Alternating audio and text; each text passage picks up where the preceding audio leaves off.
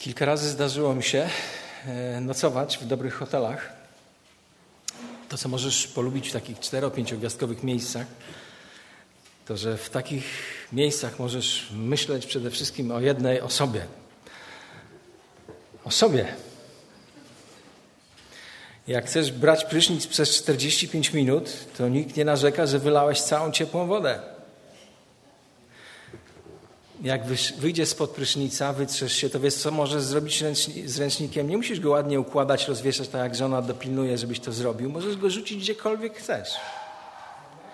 Możesz jeden, drugi, trzeci użyć, gdzieś zrzucić, bo przyjdzie pani pokojówka i to posprząta i przyniesie nowe, świeże, pachnące, poskładane tylko dla ciebie.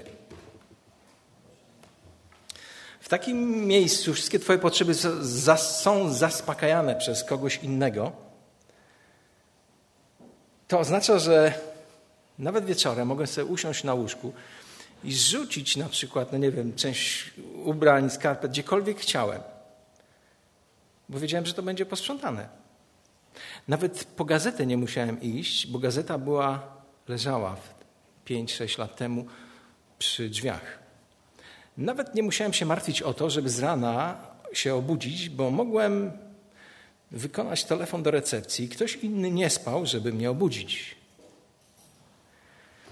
Świat, w którym żyjemy, nazywa takie życie prawdziwym życiem. Jesteś obsługiwany, Twoje potrzeby są zaspokajane, a Ty po prostu jesteś zrelaksowany. I gdy człowiek jest w takim hotelu, to oznacza, że, że się powodzi, że sobie dobrze radzisz. I świat, w którym żyjemy, dąży do takiego życia. Chce żyć takim życiem. Ale jeśli chodzi o Jezusa, jeśli chodzi o Jego życie tu na ziemi, to On, gdy tutaj żył, to wywrócił do góry nogami wszystko to, co świat uznaje za dobre i warte by do tego dążyć. On mówi, że pierwsi będą ostatnimi. On mówi, że jeżeli chcesz być pierwszy, największy, to musisz być najmniejszy, najmniej znaczący. On mówi, że jeśli chcesz wejść na jego szczyt, to musisz zejść na samo dno służby. W Ewangelii Marka 10:45 mówi tak, cytuję Jezusa: Nie przyszedłem, aby mi służono, lecz abym służył i oddał swoje życie jako okup za wielu. Przyszedłem, by służyć. Przyszedłem dawać. On nie powołał nas do tego, żebyśmy byli obsługiwani przez innych, żeby inni zaspokajali nasze potrzeby. On powołuje każdego swego naśladowcę do życia służby, do tego, byś ty i ja wiedział, co się robi z ręcznikiem. Bym potrafił drugiemu człowiekowi umyć nogi. Myślę, że ręcznik jest dobrym symbolem tego, kim jest prawdziwy naśladowca Jezusa. Ewangelia Jana, 13 rozdział, jest jednym z najbardziej kontrowersyjnych fragmentów pisma odnośnie tego, co obecnie dzieje się w naszym świecie i w naszej kulturze. Dlaczego? Stwórca wszystkiego. Służy stworzeniu. Trzynasty rozdział. Pięć pierwszych wersetów. Przed świętem Pasy Jezus był już świadom, że nadeszła godzina jego przejścia z tego świata do Ojca. Chciał więc pokazać tym, którzy należeli do Niego i których pokochał w tym świecie, że ich kocha bez reszty. Trwała wieczerza. Diabeł zasiał już w sercu Judasza, syna, syna Szymona Iskarioty, myśl o wydaniu go. Jezus wiedział, że ojciec przekazał wszystko w jego ręce. Wiedział, że wyszedł od Boga i że do Boga odchodzi. W tych okolicznościach wstał od wieczerzy, Złożył swe wierzchnie szaty, wziął płócienny ręcznik i przepasał się nim. Następnie nalał wody do miednicy, zaczął myć nogi uczniów i wycierać ręcznikiem, którym był przepasany. I od dwunastego. Gdy więc umył im nogi, włożył swe szaty, ponownie usiadł i powiedział: Czy rozumiecie, co wam uczyniłem? Wy zwracacie się do mnie, nauczycielu i panie, i słusznie czynicie, bo jestem nim. Jeśli zatem ja, pan i nauczyciel, umyłem wam nogi, wy również powinniście sobie nawzajem to czynić. Dałem wam bowiem przykład, abyście wyczynili tak, jak ja wam uczyniłem. Ręczę i zapewniam. Sługa nie jest większy od swego pana, ani poseł od tego, który go posyła. Skoro już o tym wiecie, jesteście szczęśliwi, o ile będziecie tak postępować.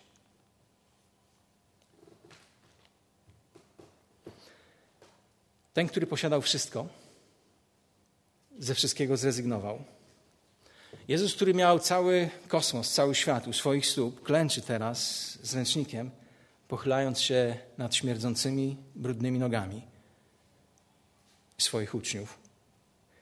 I w ten sposób podważa cały system wartości, jakimi kieruje się świat, w którym ty i ja żyjesz. I do takiego życia jesteśmy powołani.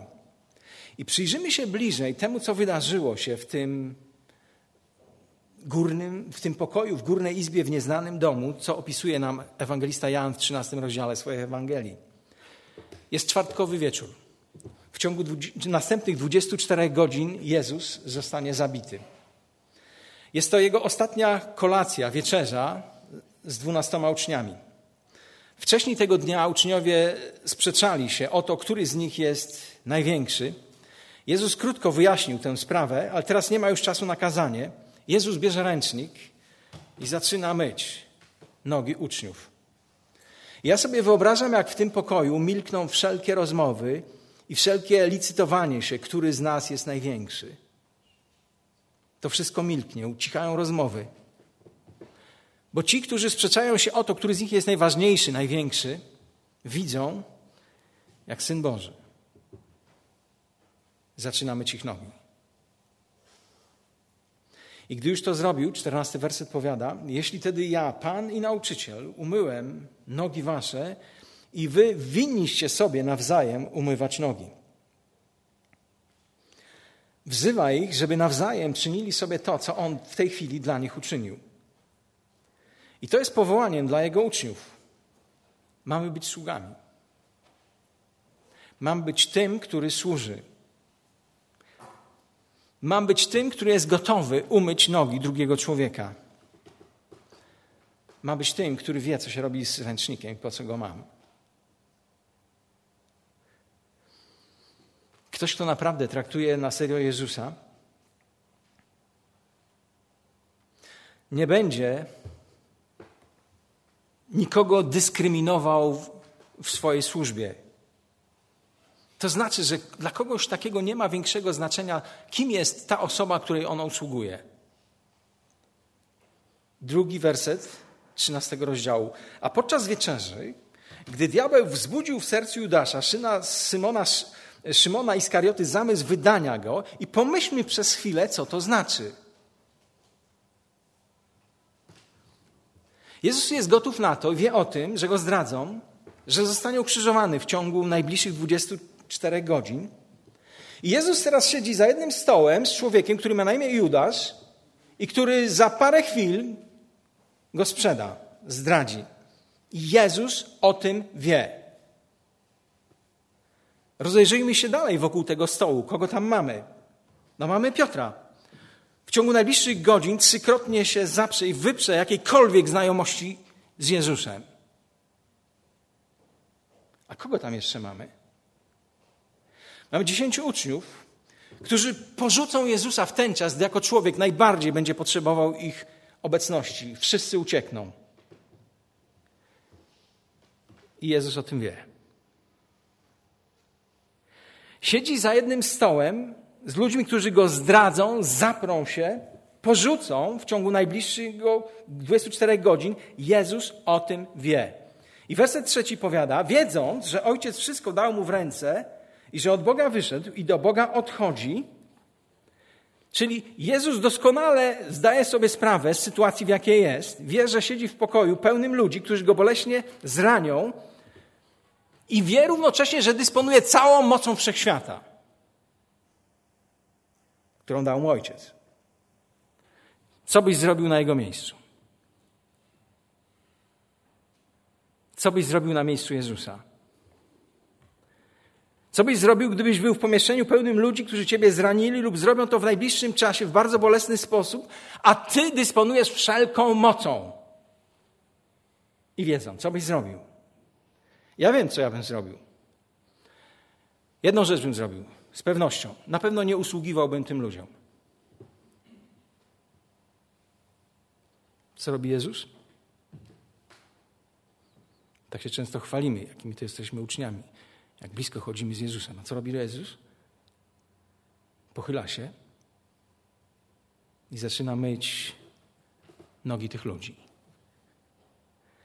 Zostawił nam ten niezwykły przykład, gdyż on służył tym, którzy go ranią, a to jest trudne dla każdego z nas. To jest bardzo trudne służyć komuś, kto ciebie wykorzystuje. Jak usługujesz mężowi, który nigdy nie myśli o Twoich potrzebach. Jak mu usługujesz? Jak usługujesz żonie, która nigdy nie podziękuje Ci za to, co robisz dla utrzymania, jak ciężko pracujesz dla utrzymania swojej rodziny? Nigdy tego nie robi. Jak usługujesz takiej osobie? Jak usługujesz dziecku, które nigdy nie zarzuci swoich ramion na Twoją szyję i Cię nie przytuli i powie dzięki tato, dzięki mamo. Że o tyle rzeczy troszczycie w moim życiu. Jak usługujesz takiej córce, takiemu synowi? Jak usługujesz współpracownikowi, który mówi źle za twoimi plecami? Jak służysz takiej osobie? Jak usługujesz sąsiadowi, który nigdy nie jest w stanie czegokolwiek dla ciebie zrobić, a ciągle chce, żebyś mu pomagał i coś od ciebie pożyczał? Jak mu usługujesz?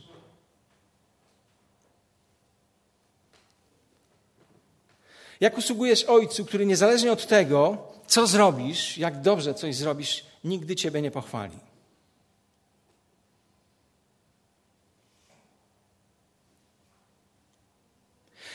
Jak usługujesz komuś w kościele, kto traktuje Cię z wyższością?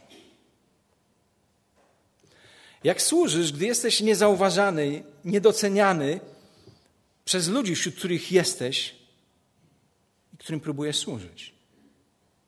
Pytanie, jakim służysz? Jest co robi większość z nas?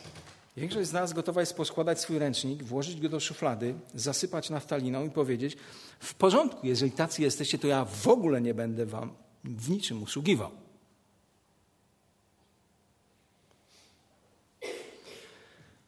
A Jezus?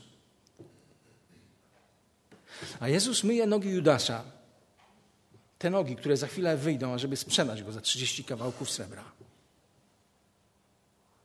I nie mów mi, że jesteś podobny do Jezusa w swoim myśleniu, w swoim zachowaniu.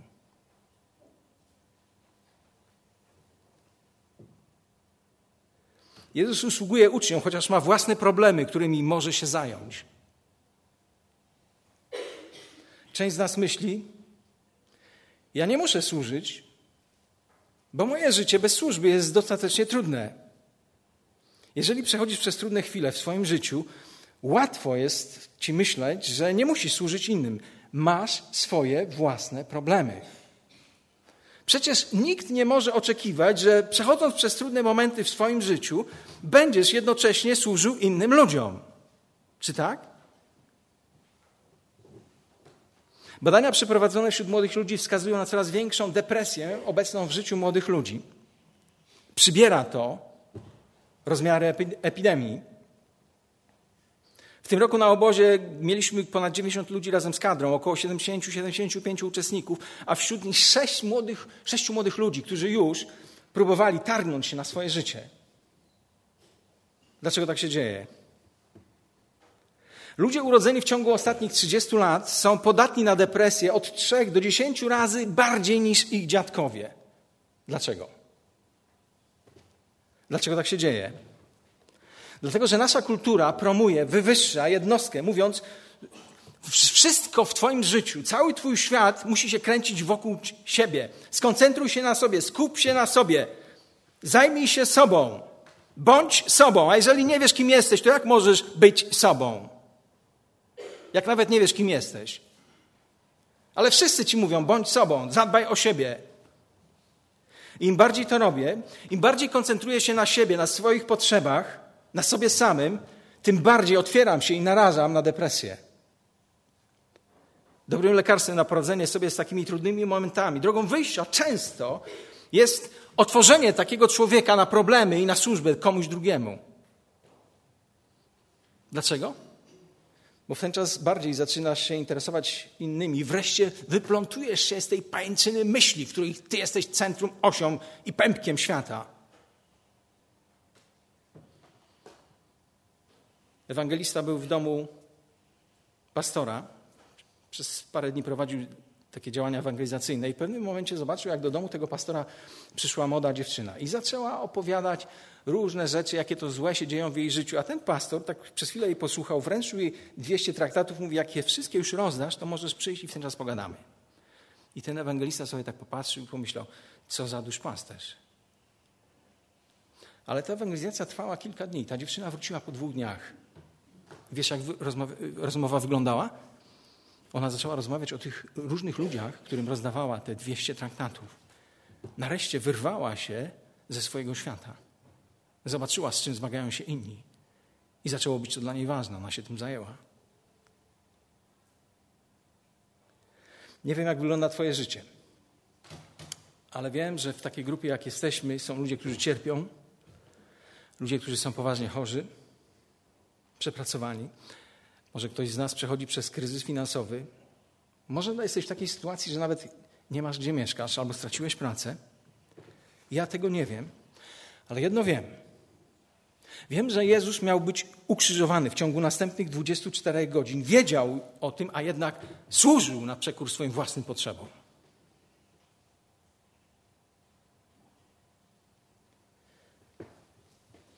Jezus służy uczniom, chociaż oni są dużo niżej od Niego, jeśli chodzi o tak zwaną drabinę społeczną. Ja mogę służyć, oczywiście, mogę być dla kogoś użyteczny, zrobię coś dla kogoś, jeśli ten ktoś jest dużo wyżej ode mnie, jeśli chodzi o tak zwaną drabinę społeczną. Jeżeli jest on nade mną, w porządku, usłużę, umyję mu nogi. Ale jeśli na tej drabinie ważności społecznej jesteś dużo niżej ode mnie, to moje nogi są bliżej ciebie, to ty powinieneś mi usługiwać, nie? Nie będę mył nóg, którzy są, ludzi, którzy są pode mną. Ale właśnie, właśnie to uczynił Jezus. Był Synem Bożym. W tej hierarchii ważności każdy był i to lata świetlne poniżej Niego. A jednak w swojej służbie, jak nikt inny, to właśnie On troszczył się i pomagał tym ludziom, którzy nie mieli wielkiego znaczenia dla tych, którzy kierują światem, którzy są wielcy w tym świecie, w którym żyjemy. Był nazywany przyjacielem celników, grzeszników, troszczył się o dzieci, o wdowy. Tak jest Jezus. Jest taki moment w życiu Jezusa, że dzieci są blisko Jezusa, spowodowały trochę zamieszania, dzieci często to robią. Uczniowie trochę się zdenerwowali, zaczęli te dzieci jakoś odganiać. Jesteście za blisko. Dlaczego? Bo nie ma już dla nas tak miejsca. Tak? Ktoś inny stał się ważny dla Jezusa. A co mówi Jezus? Nie tak. Pozwólcie dzieciom przyjść do mnie. Myślę, że testem dla człowieka noszącego ręcznik prawdziwego ucznia jest to, jak traktujesz tych, którzy w żaden sposób nie mogą ci się zrewanżować. W żaden sposób nie mogą się odwdzięczyć. Testem dla mnie jest to, jak usługuję, jak moje życie jest zaangażowane w życie tych, którzy są dużo niżej, jeśli chodzi o drabinę społeczną. Dla człowieka, który jest naśladowcą Jezusa, nie jest ważnym, kim jest osoba, której usługuje. On nie jest głównie zainteresowany tym, kim jest osoba, której on usługuje. Człowiek będący prawdziwym naśladowcą, człowiek, który wie, co robić z ręcznikiem, nie jest zainteresowany jedynie tym, by robić rzeczy ważne, rzeczy, które widać, rzeczy znaczące. Innymi słowami, on nie musi robić tego, co najważniejsze, nie musi być z przodu, on nie musi być tam, gdzie go widać. Może być w ukryciu. Gdybym powiedział, że to jest trudne dla większości z nas, to bym nie powiedział prawdy. To jest trudne dla każdego z nas.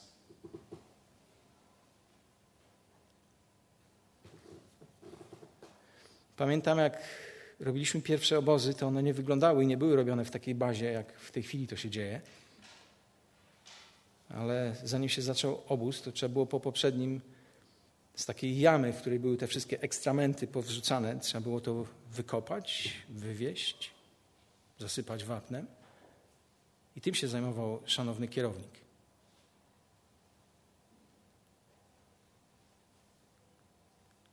Jan powiada, że Jezus wstał w wieczerzy.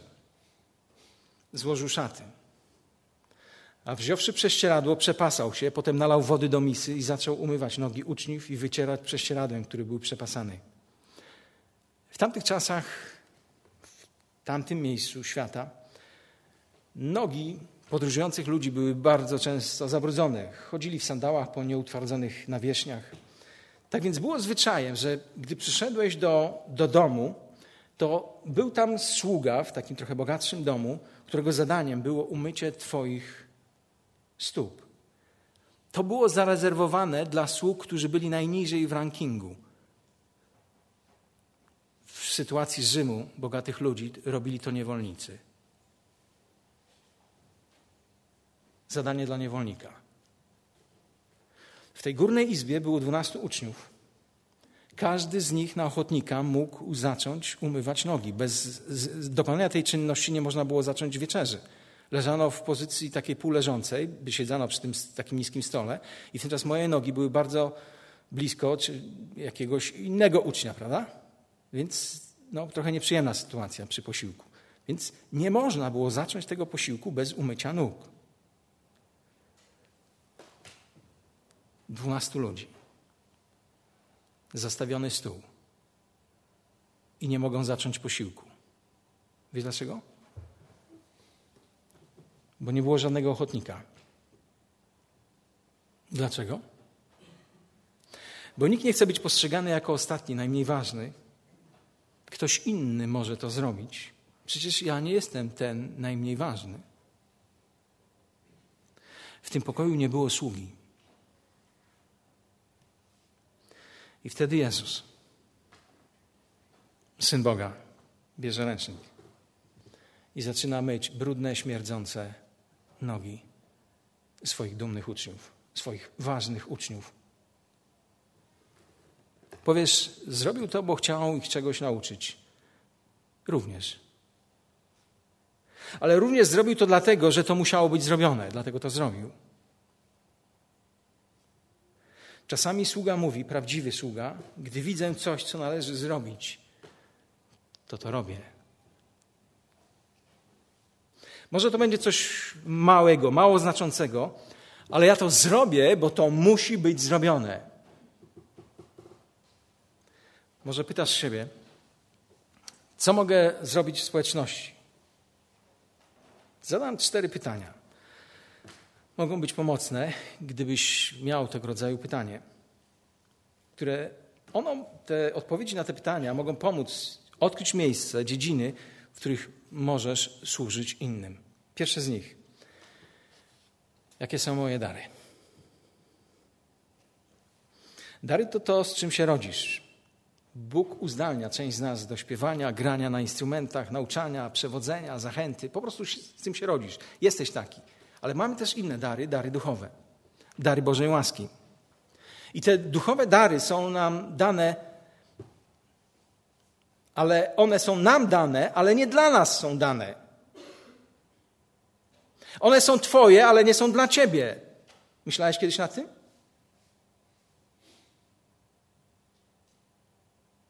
To są dary dane dla Ciebie. To są Twoje dary, ale one nie są dla Ciebie.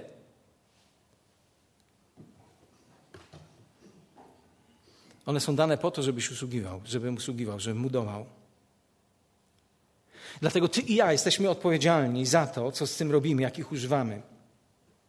Są pewne dary, które nie są duchowymi darami. Na przykład ktoś jest bardzo dobrym piłkarzem, ma fenomenalną pamięć, ale pewne dary są darami duchowymi i mamy je używać do budowania Kościoła. List do Rzymian 12:6-4 cytuję. Jak bowiem w jednym ciele wiele jest członków, a nie wszystkie członki tę samą czynność wykonują, tak my wszyscy jesteśmy jednym ciałem w Chrystusie, a z osobna jesteśmy członkami jedni drugich. Mamy różne dary według udzielonej nam łaski. Bóg dał nam dary. To nie ty je sobie wypracowałeś, one zostały ci darowane, abyś budował ciało Chrystusa.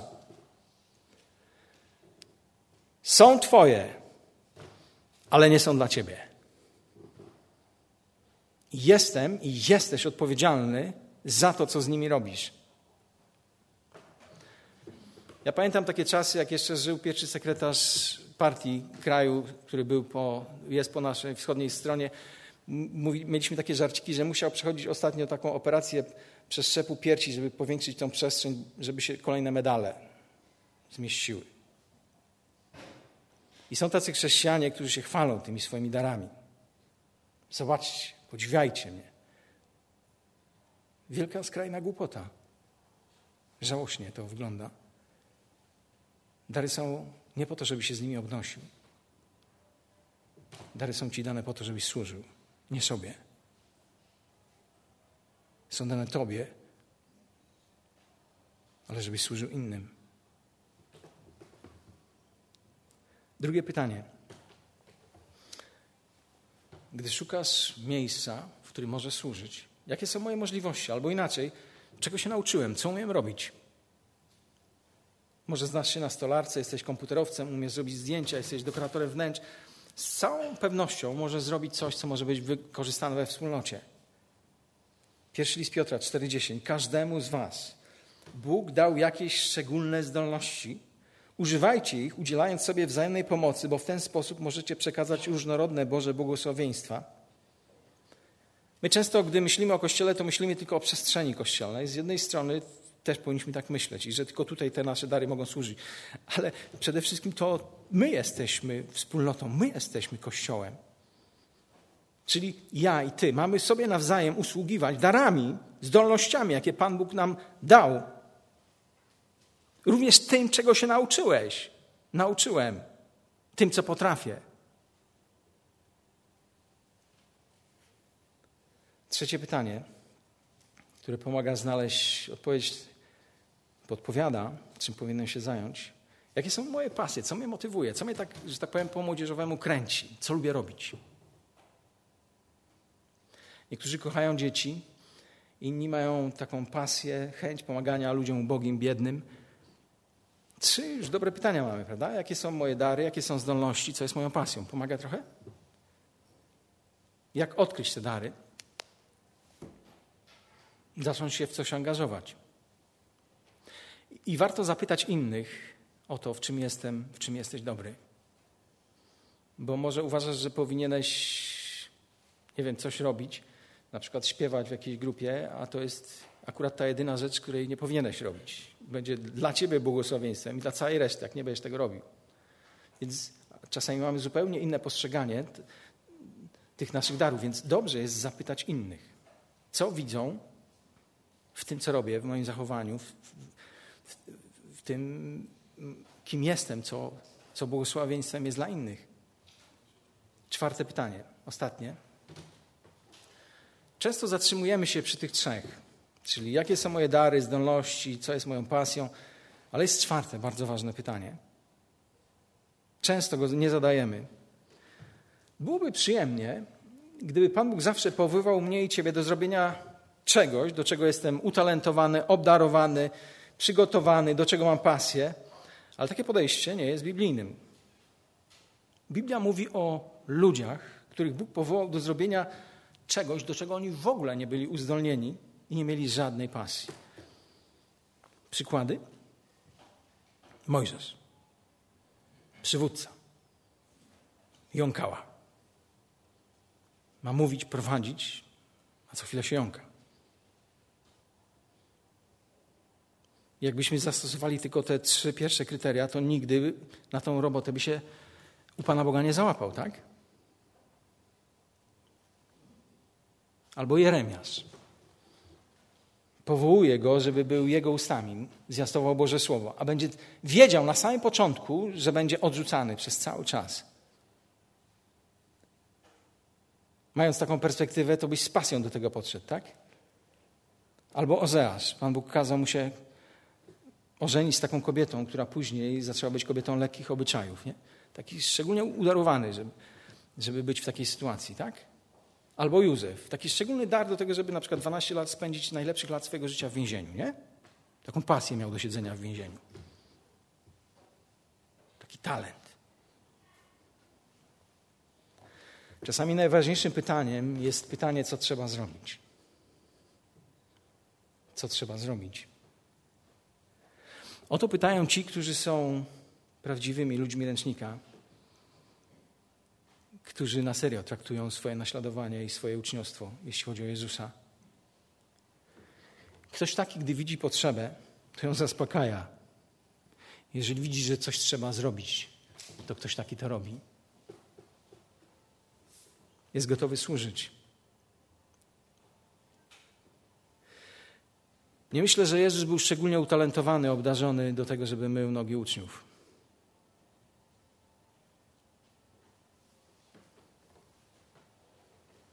Jezus to zrobił, bo trzeba było to zrobić. Człowiek niosący ręcznik, prawdziwy naśladowca, nie przejmuje się tylko tym, co ważne i wielkie. Ktoś taki nie chce robić wielkich rzeczy dla Boga, ale chce robić to, co Bóg chce, by on robił. Niezależnie od tego, czy ta rzecz będzie duża czy mała. Błażej Pascal modlił się wspaniałą modlitwą. Cytuję: Boże, pomóż mi robić duże rzeczy, jakby były małymi, ponieważ robię je dzięki Twojej mocy. I pomóż mi robić rzeczy małe, tak jakby były wielkimi, bo robię je w Twoim imieniu. Powtórzyć? Boże, pomóż mi robić rzeczy wielkie, tak jakby były małymi, ponieważ robię to tylko dzięki Twojej mocy. A te małe chcę robić tak, jakby były wielkie, bo robię to w Twoim imieniu, Ty się pod tym podpisujesz.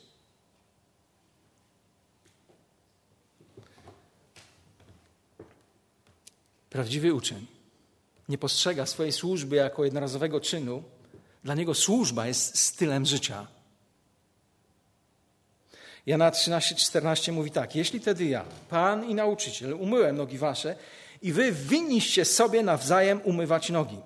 Zwróciliśmy uwagę na to sformułowanie: Wy winniście sobie nawzajem umywać nogi.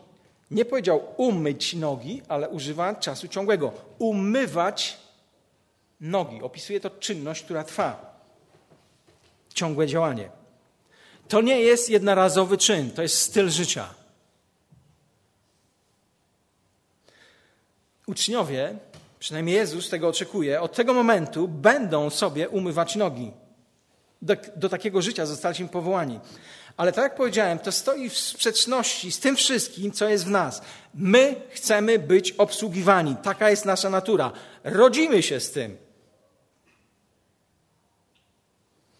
Gdy nasze dziewczyny się urodziły, było to już trochę czasu od tego momentu upłynęło, to chciały być obsługiwane i to od samego początku. Gdy były głodne, to nie zwracały uwagi na to, czy my śpimy, czy nie, czy, czy, czy, czy Danusia jest zajęta, czy nie.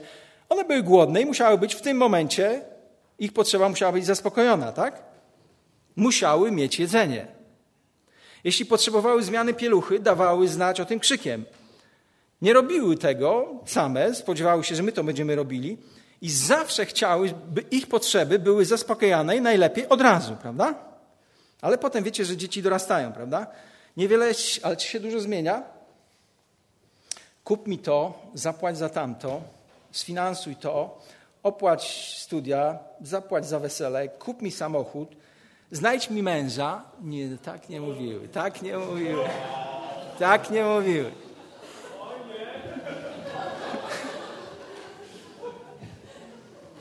Ale wiecie, wychodzimy za mąż, żenimy się i ciągle tak samo myślimy.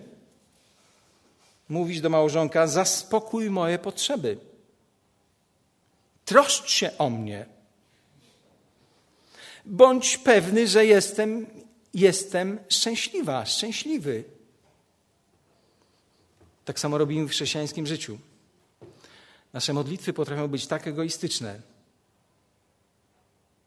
Panie Boże, spraw, żebym był szczęśliwy. To jest Twoje zadanie, sprawić, żebym był szczęśliwy. Uczyń mnie mądrzejszym, daj mi więcej pieniędzy, przecież wszystko do Ciebie należy. Ty chcesz, żeby Twojemu dziecku się powodziło, nie? Bylibyśmy zaszokowani, gdyby to wszystko otwarcie wydostało się na zewnątrz nas. Przychodzimy do kościoła i mamy takie same nastawienie. Nakarmcie mnie, usługujcie mi, zaspokójcie moje potrzeby, troszcie się o moje dzieci, słuchajcie o moich problemach, zauważcie mnie. Czyli bardzo dużo ludzi przychodzi do wspólnot z nastawieniem zaspokójcie moje potrzeby. A jak to się nie stanie, jak tak się nie będzie działo, jak mnie odpowiednio nie zauważycie, nie zajmiecie się mną, no to spoko. No, jest inna wspólnota, jest na Siennej, jest na Puławskiej, jest na Walicowie. Coś na Ursynowie jest, jest dużo możliwości w Warszawie. Jak mnie nie obsłużycie, to pójdę tam, gdzie będę lepiej obsługiwany. Spoko, nie ma sprawy.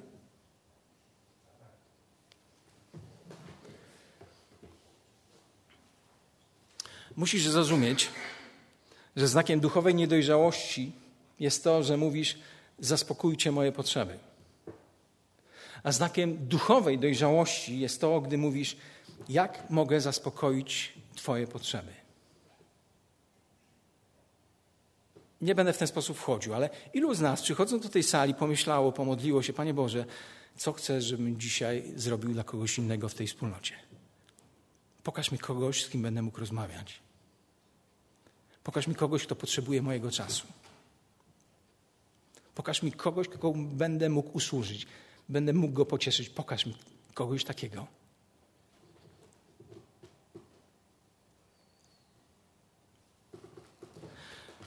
Część chrześcijan, i to bardzo duża, przychodzi do wspólnot, do kościoła z mentalnością konsumenta, klienta.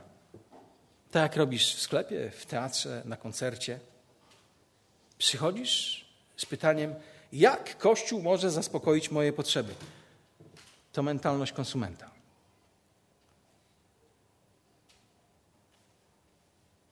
Część z nas musi dokonać potężnej zmiany swojego myślenia. Musisz zmienić mentalność klienta, konsumenta na mentalność sługi. I zapytać, co mogę zrobić, żeby zaspokoić potrzeby mojej wspólnoty, mojego kościoła, ludzi, wśród których Pan Bóg sprawił, że jestem? Co mogę dla nich zrobić?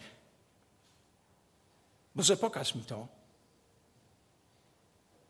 Jak mogę zaspokoić potrzeby tych ludzi?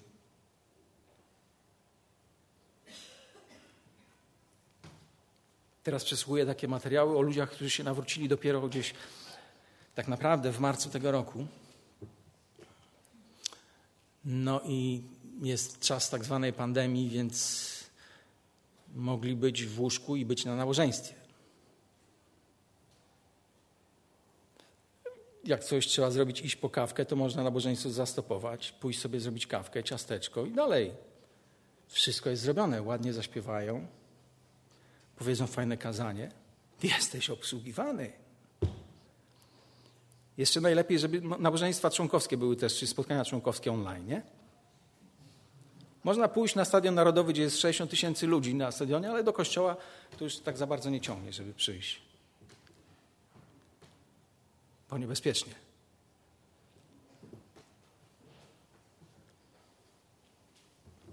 W człowieku, który nosi ręcznik, ta mentalność ja i moje potrzeby najpierw musi być ukrzyżowana. To musi być ukrzyżowane. To jest trudne. To było trudne dla apostołów i to jest trudne dla każdego z nas.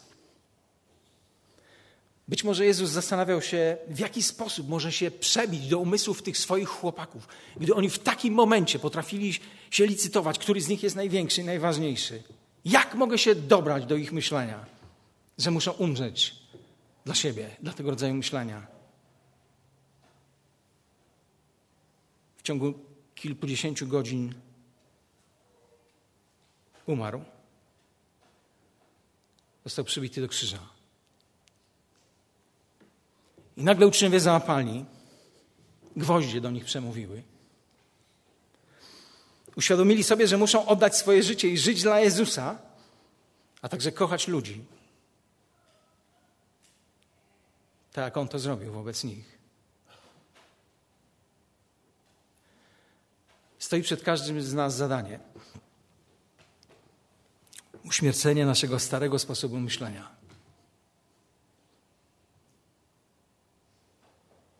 Podjęcie decyzji żeby naprawdę żyć dla Niego i dla tych, za których On umarł.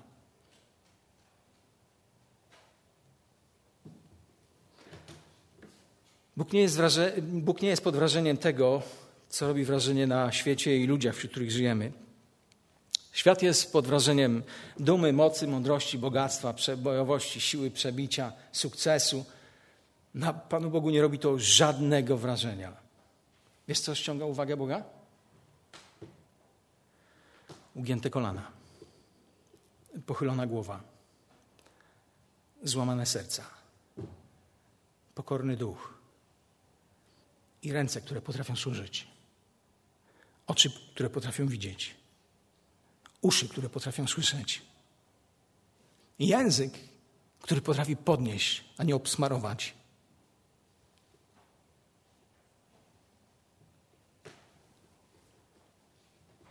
Bóg nigdy nie używa i nie będzie używał w swojej służbie chrześcijańskich gwiazd. On używa tylko jeden rodzaj ludzi sług.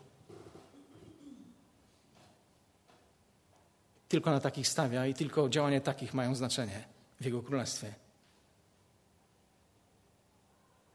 Jeszcze jedna rzecz. Człowiek noszący ręcznik nie jest umotywowany przez ludzkie motywacje.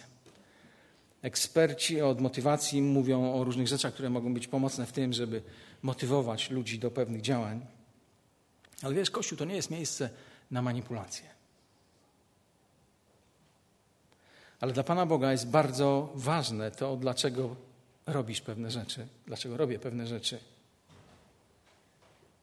Dla Niego moje motywy są równie ważne, nawet ważniejsze od tego, co robię. Jeżeli jesteś szczery, to przyłapiesz się, że często robisz, robię rzeczy jak faryzeusz. Łatwiej jest mi zaangażować się w coś, co ludzie zauważą.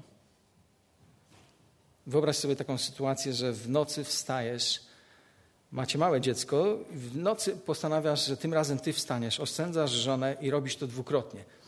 I liczysz na to, że żona to zauważy, doceni, powie o tym, wynagrodzi, jest śniadanie. 8.30, jecie i siedzicie przy jednym stole, mija już 5, 10, 20 minut tego śniadania, a żona wcale nie mówi, jaki to byłeś wielkim rycerzem. No i w ten czas czujesz nieodpartą chęć powiedzenia o tym, jakim byłeś dzielny. Wstałeś dwa razy. Dla kogo to zrobiłeś?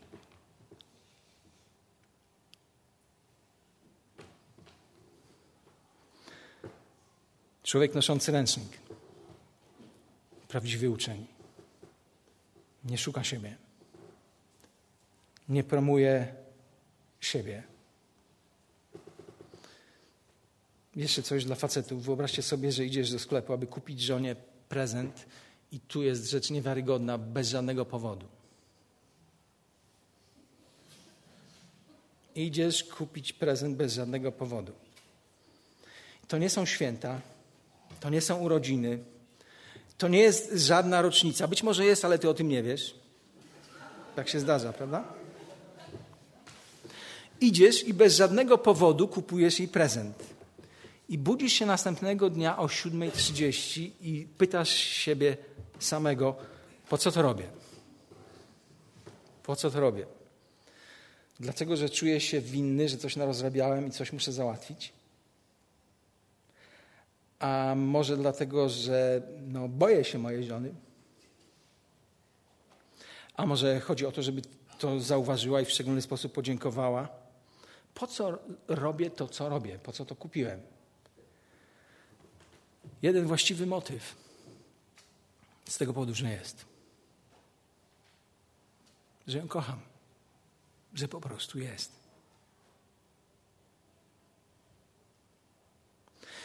Dla Boga motywacja jest również ważna jak samo działanie. Trzynasty rozdział, siedemnasty werset mówi tak.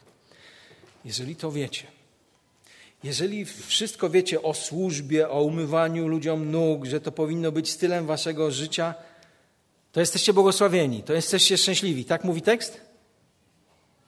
No nie tak mówi. Wiesz, co tekst mówi? Błogosławieni jesteście albo szczęśliwi jesteście, gdy zgodnie z tym postępować będziecie. Jezus nie mówi, że jesteś błogosławiony przez to, że masz rzeczy poukładane na temat tego, czym jest służba, kto powinien to robić. Jesteś błogosławiony tylko w ten czas, kiedy służysz. Ktoś powiedział, że diabeł nie przejmuje się tym, co wierzysz i twoimi poglądami tak długo, dopóki nie wprowadzasz ich w życie. Jest mu naprawdę obojętne, w co wierzysz. Jak bardzo w to wierzysz. Ignoruje ciebie i twoje poglądy i twoją wiarę tak długo, jak długo nie zaczniesz zgodnie z tym żyć. Jeżeli chcesz być szczęśliwy, jeżeli chcesz być błogosławiony, to nie możesz żyć jak panisko, które jest obsługiwane i wszystkie Twoje potrzeby są zaspokajane. Trudno w to uwierzyć, ale sposobem na szczęśliwe, spełnione życie jest usługiwanie. Jest usługiwanie. Od początku mamy z tym problem. My uważamy, że bardziej błogosławioną rzeczą jest coś dostać niż dać.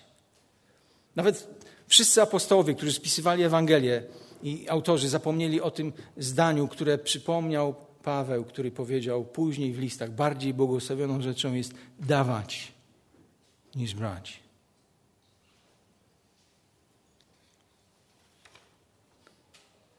Gdybyś ze swoich 168 godzin, jakimi dysponujesz w tygodniu, dał tylko jedną godzinę, by służyć innym we wspólnocie, to byłoby to inne miejsce, prawda? Jest nas, załóżmy, około 100 osób, 100 godzin na jeden tydzień. Wiesz, co można zrobić, dysponując 100 godzinami? A gdybyś dał tylko dwie godziny? To jest tyle, ile spędzasz jednego dnia albo w ciągu, w ciągu dwóch dni grzebając, grzebiąc w internecie, w tych różnych tam forach.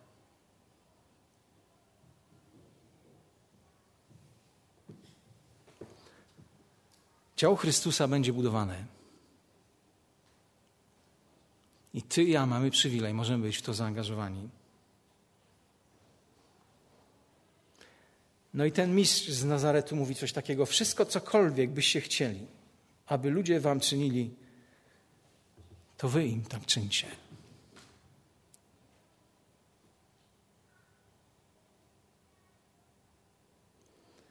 Sługa, prawdziwy naśladowca Jezusa to człowiek ręcznika. Nikogo nie dyskryminuje w swojej służbie. Usłyszałeś?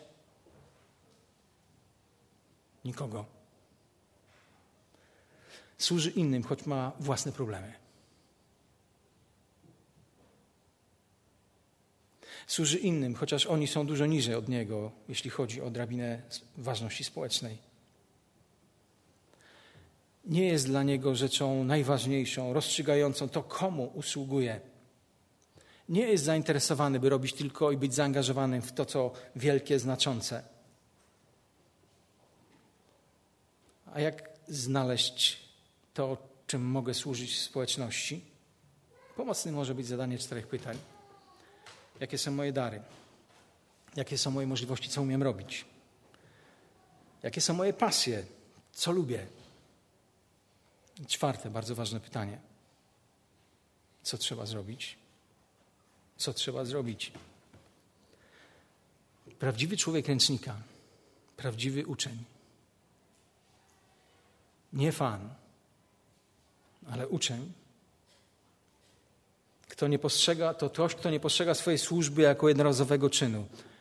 To po prostu styl życia, on tak żyje, on taki jest.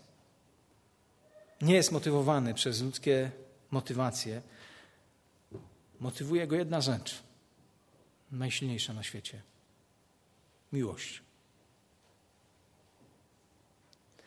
Sposobem na szczęśliwe życie, na spełnione życie jest usługiwanie innym. I chcę powiedzieć, że no nie mam nic przeciwko transmisji online, ale nie uważam, że robimy rzecz właściwą, jeżeli jesteś chrześcijaninem. Pan Bóg zmienił Twoje życie, a Ty od tygodni, od miesięcy nie jesteś wśród swoich braci, wśród swoich sióstr. Ty po prostu nie służysz. Ty nie służysz. Masz dary. Inni czekają na moją i Twoją służbę.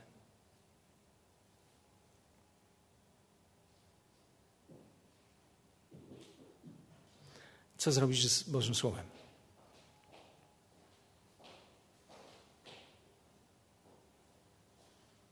Jakie są Twoje decyzje?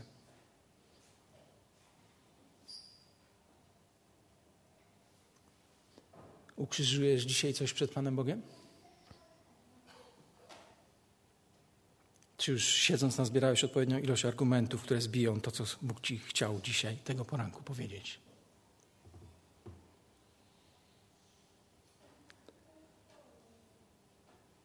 Czy pozwolisz Panu Bogu rozprawić się z Twoim myśleniem, z Twoim skoncentrowaniem się na sobie? Czy ukrzyżujesz swoją mentalność klienta, konsumenta?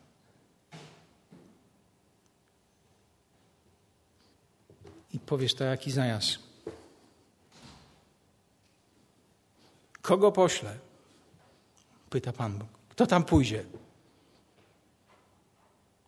Jest jeden człowiek, który jest gotowy powiedzieć: Oto ja. Poślij mnie. I zaczniesz żyć innym życiem. I zaczniesz widzieć to, co Pan Bóg robi przez ciebie. Być może to będą rzeczy wielkie, ale gdy będziesz robił we właściwej motywacji, to będziesz miał świadomość, że one są wielkie nie dlatego, że ty jesteś wielki, ale wielki Bóg pozwala ci coś zrobić wielkiego dla Niego. I nawet jak będziesz robił rzeczy mało ważne, to będziesz robił jako wielkie, bo robisz to dla Niego, w Jego imieniu. Kogoś reprezentujesz. Jak wyjdziesz dzisiaj z tego miejsca? Jak odejdziesz dzisiaj? Z czym odejdziesz dzisiaj sprzed swojego ekranu? Albo jak już się wygrzebiesz ze swojego łóżka? Co się zmieni? Zależy to od Twoich decyzji. Amen.